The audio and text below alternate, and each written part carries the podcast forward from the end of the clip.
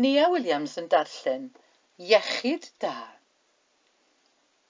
Mae Kerry Townsend yn ymarferydd iechyd yr amgylchedd a byr deunaw mis diwethaf yn gyfnod anodd iawn i'r rhai fel hi sy'n gweithio yn y maes. Er hynny, mae'n cael boddhad mawr wrth ymdrin ar profiadau allgodi o ddydd i ddydd wrth estyn cymorth a chyngor i aelodau'r cyhoedd a datrys eu problemau. Mae'n annog unrhyw un sy'n chwilio am waith all gynnig heriau amrywiol, wrth ddelio ag gelfennau sy'n effeithio bob agwedd o'n bywydau, i ystyried gyrfa y maes iechyd yr amgylchedd. Dyma stori Ceri, Er fy mod bellach yn byw yn Mynydd-Esa ar gyrion yr wyddgrig, cefais fy magu yn yr hef hanesyddol rhyddlan, ac mae gweld y castell bob amser yn cynhesu fy nghalon. Mae'r rhan yma o'r gogledd ddwyrain yn cynnig y gorau o ddau fyd, gan ei fod yn berffaith ar gyfer crwydro bryniau clwyd, ac eto nid yw'n bell iawn o'r môr. Yn ystod fy nghyfnod yn astudio ar gyfer fy arholiadau safon uwch yn Ysgol Glan Clwyd, nid oedd gennyf unrhyw syniad o'r trywydd y byddwn yn ei ddilyn fel gyrfa. Ond roedd fy magwraeth fel merch fferm wedi enni'n diddordeb erioed ynof yn harddiad y bwyd rydym yn ei fwyta. Wrth chwilio am ysbrydoliaeth, Cefais y cyfle i fynychu noson gyrfaoedd, a ffannofynnwyd i fi pa beth y byddwn ni yn ei flaenoriaethu wrth ystyried gyrfa, rwy'n cofio datgan yn glir mae un peth y byddwn yn ei gasau, fyddai gorfod eistedd wrth ddesg. Wedi edrych ar y pynciau roeddwn yn ei astudio ar gyfer fy safon uwch, cemeg bywydeg a deiryddiaeth, cefais fy cyfeirio at faes iechyd yr amgylchedd.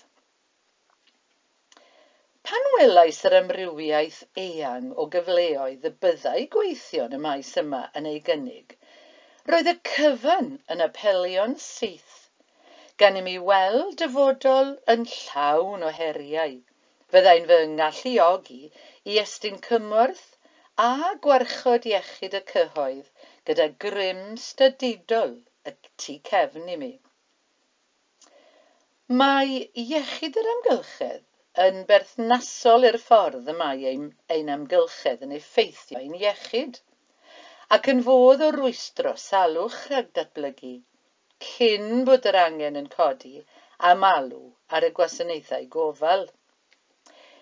Ein gwaith yw gofalu nad yw'r bwyd rydym yn ei fwyta, y cartrefi rydym yn byw ynddynt, y mannau rydym yn gweithio ynddynt, yr air rydym yn ei adnadlu, na gweithredoedd yr rhai sydd o'n cwmpas, yn adweithion negyddol ar ein iechyd. Yn dilyn gradd, BSc yn, yn dilyn derbyn gradd BSc mewn iechyd yr hamgylchedd ym Mhrifysgol Caerdydd yn 2004, cefais fy nghyflogi gan gyngor Rexam yn ei tîm iechyd yr amgylchedd. Gan ymdrin â dreiniau oedd wedi blocio, cartrefi bydron, cwynion am sŵn uchel, angladdau cyhoeddus, ac ambell achos o godi corff o'r bedd. Fel person ifanc dwy ar hugen oed, bu'n rhaid i mi ddysgu'n gyflym iawn sut oedd delio ag emosiynau pobl, ynghyd â dicter ambell berson anhylaw, oedd yn gwrthwynebu ymyrraeth gan reolydd. Wedi sawl blwyddyn o erlyniadau, peipiau carthosiaeth niferus oedd wedi ei blocio, a llawer gormod o dau bydron, llawn llygod a chreaduriaid eraill. Teimlwn ei bod yn amser am newid. Arhosais gyda'r awdurdod lleol a symud â dîm yr adran tai preifat. Rwan, roeddwn yn delio â pherchnogion, oedd yn rhentu ei heiddo. Tai oedd yn cartrefi niferoedd uchel o bobl. Mewnfudwyr a thenantiaid oedd yn cael eu troi o'i cartrefi yn anghyfreithlon. Un archos sydd wedi aros gyda mi ers 2008 ydy achos cwpl oedrannus oedd wedi byw yn eu cartref rhent ers hanner can mlynedd gyda waliau oedd yn dadfeilio a dim dŵr poeth na gwres. Yn dilyn rhoi gorfodaeth ar y perchenog, gwnaethbwyd eu cartref yn glid a chysurus unwaith eto a bu gwelliant sylweddol yn iechyd y ddau. Ers den mlynedd, rwyf yn gweithio gyda thîm Diogelwch Bwyd Cyngor Sir Ddimbych. Gan dreulio'r pedair blynedd ddiwethaf fel prif swyddog bwyd. Wrth ymuno â'r tîm, roeddwn wrth fy modd pan gyflwynwyd fy ngwisg hardd o got wen, het a net gwallt i mi. Mae'r rhestr o'r lleoedd i'w charchwilio yn cynnwys archfarchnadoedd, gwestau, siopau bwydydd, tafarnau, tai bwyta, siopau tecawê, delis a chartrefi gofal. Daeth y newid mwyaf yn 2012 gyda chyflwyno'r cynllun graddio hylendid bwyd. Tyra cynt roedd y safonau hylendid y tu ôl i ddrysau caeedig. Maent erbyn hyn ar gael i'r cwsmer sydd nid yn unig yn rhoi rhyddid dewis iddo, ond sydd hefyd yn fodd o hyrwyddo, cadw at a chodi safonau hylendid trwy Gymru. Mae pob awdurdod yn cynllunio'r rhaglen o asesiadau bob blwyddyn, ond gall y cyfnod rhwng asesiadau amrywio o chwe mis i ddwy flynedd, yn dibynnu ar natur y busnes a'r risg i'r cyhoedd. Rhoddir sgôr o 1 i 5 i bob busnes ac yng Nghymru Mae'n orfodol iddynt arddangos tystysgrif ei sgôr mewn man amlwg, er mai gwirfoddol yw hyn yn Lloegr. Mae'r asesiad yn ddi-rybydd, ac mae'r sgôr yn dibynnu ar dair elfen, sef pa mor hylan y mae'r bwyd yn cael ei baratoi, ei goginio, ei ailgynhesu ei oeri a'i storio. Cyflwr ffisegol y busnes a sut mae'r busnes yn rheoli diogelwch bwyd i sicrhau y caiff hylendid da ei gynnal. Er mwyn cael y sgôr uchaf, rhaid gwneud yn dda ym mhob un o'r dair elfen.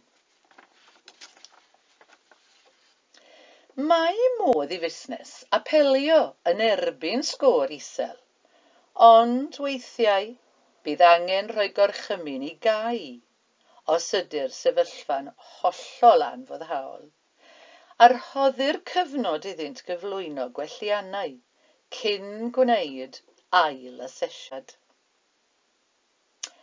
Yng nghanol y busnesau hynny sy'n ymdrechu'n galed i ymgyrraedd at y safonau uchel, mae'r rhai bob amser, sydd yn ein cadw ar flaenau ein traed, ac yn gwneud ein gwaith yn fwy diddorol. Adeiladau sy'n ymddangos nad ydynt fel nad ydynt wedi ei glanahau ers misoedd. Rhai sy'n trin bwyd, heb ddeall peryglon croes lygru. Ac wrth gwrs, mae'r hau sy'n benderfynol o barhau'n agored, er bod plaw lygod, llygod mawr neu gocrwtsis yn bresennol.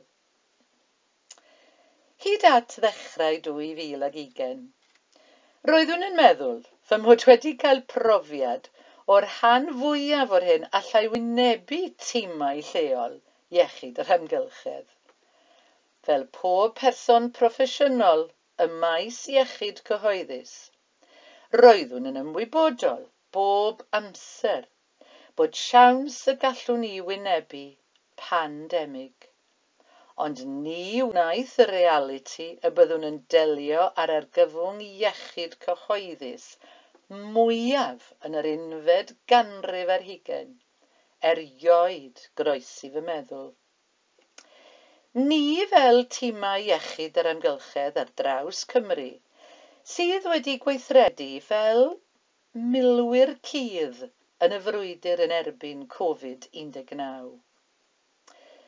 Fe wnaeth fy ngwaith i, fel gwaith llawer un, newid dros nos. A gan mae gwarchod iechyd y cyhoedd ydy prif bwrpas ymarferydd iechyd yr amgylchedd, Wnes i ddim cwestiynu hynny. Rydym yn parhau i weithio ers pymtheg mis ar y cynllun profi ac olrain. gan weithio'n agos â Iechyd Cyhoeddus Cymru a'r Bwrdd Iechyd lleol. Gan fod rhwystro a rhoi cyngor i wahanol sectorau a reolaeth heintiau yn rhan anatod o'n gwaith ni – Oherwydd pwysigrwydd y gwasanaeth gofal, roedd yn hanfodol ein bod yn arbed y cartrefi gofal rhag yr haent, trwy fonitro a chynnig cefnogaeth a chyngor cyson, ond yn anffodus, bu'n rhaid i ni hefyd wynebu'r dasg drist o ddelio â'r canlyniadau wrth i'r haint ledeini drwy lawer iawn o'r cartrefi hyn. Er i'r gwaith fod yn hynod o heriol, yn emosiynol ar adegau, teimlaf mae'r flwyddyn ddiwethaf fi'r un bwysicaf yn fy ngyrfa. Rwyf yn dyheu am weld diwedd ar y cyfnod yma, ond hyd yma mae'r frwydr yn parhau. A byddwn ninnau'n gwneud yr hyn a allwn i warchod iechyd y cyhoedd. Am fwy o wybodaeth ar yrfa gyda iechyd yr amgylchedd, ewch i wdrifflig.ceah.org blind slice what dash is dash environmental dash health blind slice how dash do dash I dash become dash an dash E H P